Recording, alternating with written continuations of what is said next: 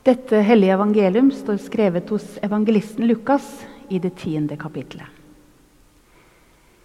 Jesus kom til en landsby der en kvinne som het Martha, tok imot ham i huset sitt. Han hadde en søster som het Maria, og Maria satte seg ned ved Herrens føtter og lyttet til hans ord. Men Martha var travelt opptatt med alt som skulle stelles i stand. Hun kom bort til dem og sa, 'Herre, bryr du deg ikke om at min søster lar meg gjøre alt arbeidet alene?' 'Si til henne at hun skal hjelpe meg.' Men Herren svarte henne, 'Martha, Martha, du gjør deg strev og uro med mange ting.' Men ett er nødvendig. Maria har valgt den gode del, og den skal ikke tas fra henne. Slik lyder det hellige evangelium. Har noen en gang sagt til det Du har valgt den gode del, og den skal ikke tas fra deg. Tenk så herlig å kunne få en slik anerkjennelse.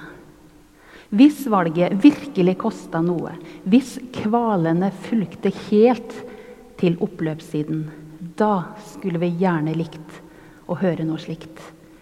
Du har valgt den gode del, og den skal ikke tas fra deg. Men sjelden kommer slike bekreftelser. Ofte reiser nye spørsmål seg. Gjorde jeg det riktige? Valgte jeg rett? Kan jeg velge om igjen? Våre valg i livet. Hvor en skal bo, hva en skal jobbe med, hvem en skal våge å være nær, åpner store eksistensielle rom. Søren Kirkegård, teologen, forfatteren og eksistensfilosofen, skriver om å velge.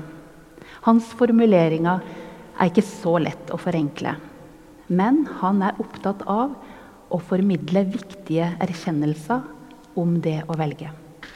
At ved å velge det ene, så utelukker vi andre ting. At å velge er skummelt eller fortvilende, men også et viktig verdikjennetegn ved oss menneskene. For i det så ligger også vår frihet. Som det første, sier Kirkegård, må vi velge oss selv. Hvis du ønsker en endring i livet, kan du ikke velge deg selv der framme. Først må du velge deg selv der du er. I dette kan vi høre en oppfordring om å ta ansvar, om å eie sitt liv. Noe som krever både langsomhet, ettertenksomhet og selvgjennomsiktighet. Men i dette kan vi også legge til at det ligger en erkjennelse om nåde. For det handler ikke om å være noe annet enn den en er. Først må en velge seg selv. Selve er vår første oppgave. Ut fra det kan all handling, bevegelse og ny erkjennelse skje.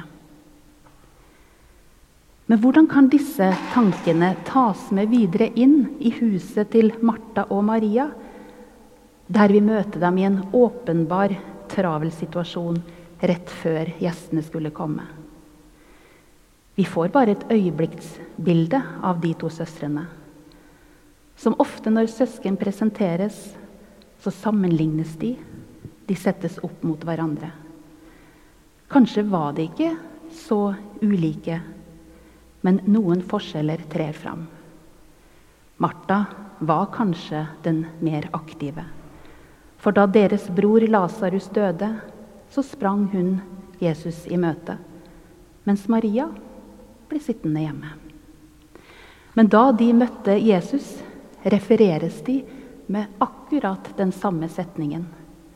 Herre, hadde du vært her, var vår bror ikke død. De uttrykker den samme hengivne tillit til sin mester og venn. Tillit til at hans nærvær kunne gi liv. Så da han gjester dem denne dagen er det forventninger i luften. Forventninger som de favner ulikt. Martha viser seg som den ansvarlige, handlende, med å stelle i stand slik at det kunne bespises. Og ordet som benyttes i Bibelens grunntekst, er et ord vi kjenner igjen, nemlig diakoni. Martha stelte i stand bordet. Hun gjorde diakoni. Og senere vet vi at dette verbet blir til et substantiv. Den som gjør tjeneste ved bordene. Det ble navnet på en egen tjeneste i den første kirken, som er videreført helt til i dag. Og om innholdet i diakonien har endra seg, er utgangspunktet det samme. Alt som må gjøres.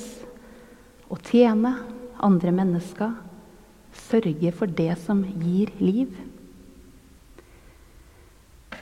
Marias valg blir omtalt som den gode del. Hennes valg kjennetegnes ved å ikke gjøre. Ved føttene til Jesus hadde hun riktignok sittet før. Et annet sted i evangeliene står det at det var hun som tok nardussalven til en verdi av en årslønn, som hun helte over føttene til sin venn og tørka dem med, med håret. Kanskje kjente Maria verdien av det livsnytende, sanselige. Ikke bare det livsoppholdende, men også det som kunne utvide livsopplevelsen. Denne dagen bare sitter hun der, lytter til orda, forventningsfullt, oppmerksomt. Hun var i seg selv. Hun valgte seg selv lot seg ikke affisere av alle gjøremåla som ropte på henne. Så kan vi velge å lese oss inn i Martha og Maria, kjenne oss igjen, kjenne på sympati eller antipati for den ene eller den andre. Men kan hende finnes det en tredje vei å favne dem begge.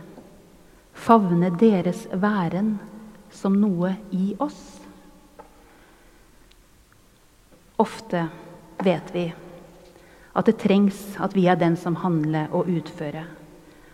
Og ikke sjelden er det da vi blir sett. Det er da vi får bekreftelse og takknemlighet. Ikke rart at vi ofte velger det.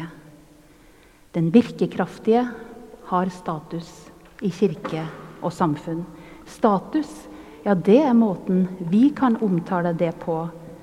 Men på Martas tid var det virkekraftige livsnødvendig. Hvis ikke kunne det betydd død. Jesus sin bekreftelse av Marias valg framstår dermed som noe radikalt. Fordi han forsvarer at hun som kvinne valgte en posisjon som primært var forbeholdt mennene. Kunnskap og lærenærvær. Det var radikalt fordi han forsvarer det som ikke er direkte livsoppholdende, men som er livgivende likevel. Han bekrefter mennesket som ånd. Det i ethvert menneske som strekker seg utover seg selv, men som starter med en anerkjennelse av seg selv. så er det da kanskje kunsten å holde disse praksisene sammen. For ingen tvil om at verden trenger villige hender og føtter. I en verden som skriker av nød som følge av urettferdighet. Som roper etter løsninger i konflikter. Midt i en klimakrise som utvikler seg på måter vi ikke kan overskue. Vår verden og vår kirke trenger mange som Martha som er villige til å ta inn det rop som Jesus hørte, og se den nøden som Jesus så. Men i livet og i vår tjeneste i verden trengs også en ikke være til for andre-posisjon. Der hvor vi velger oss selv. En posisjon som ifølge Kirkegård er dypt forankra med Gud. Og så kan det være opp til hver enkelt av oss å se for oss hvor dette er i vårt liv. Hvordan en slik posisjon ser ut, som kan være livgivende i vårt virke der vi er. Og Fortellingen blir også, slik vi leser den i dag, også en påminning om at diakoni springer ut av en slik sitte stille-posisjon. For å kunne gjøre, for å kunne være til for andre, trengs også dette. Bare være, lytte. Diakoniens tjeneste er også forbønnens tjeneste. Maria har valgt den gode del, og den skal ikke tas fra henne. Ett er nødvendig, sier Jesus mot slutten av teksten vi leste. Ett er nødvendig. Ett. I motsetning til alle faktorer vi kanskje kan komme på for å kunne falle til ro i våre livsvalg. Falle til ro med den vi er. Falle til ro midt i alt som må gjøres. Men der, i Jesu nådefylte nærvær, kan vi favnes med alt det vi er. Med våre håp og våre drømmer. Med de valga vi er stolte av, og de vi gjerne skulle sett var annerledes. Favnes og gis ny tro, nytt håp og ny kjærlighet. Ett er nødvendig. Til sist.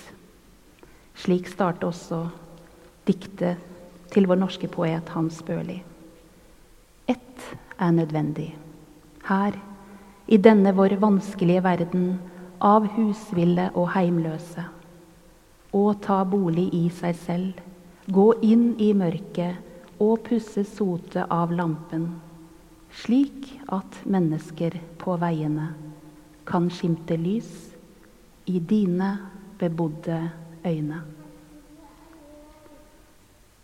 Ære være Faderen og Sønnen og Den hellige ånd, som var og er og blir en sann Gud, fra evighet og til evighet.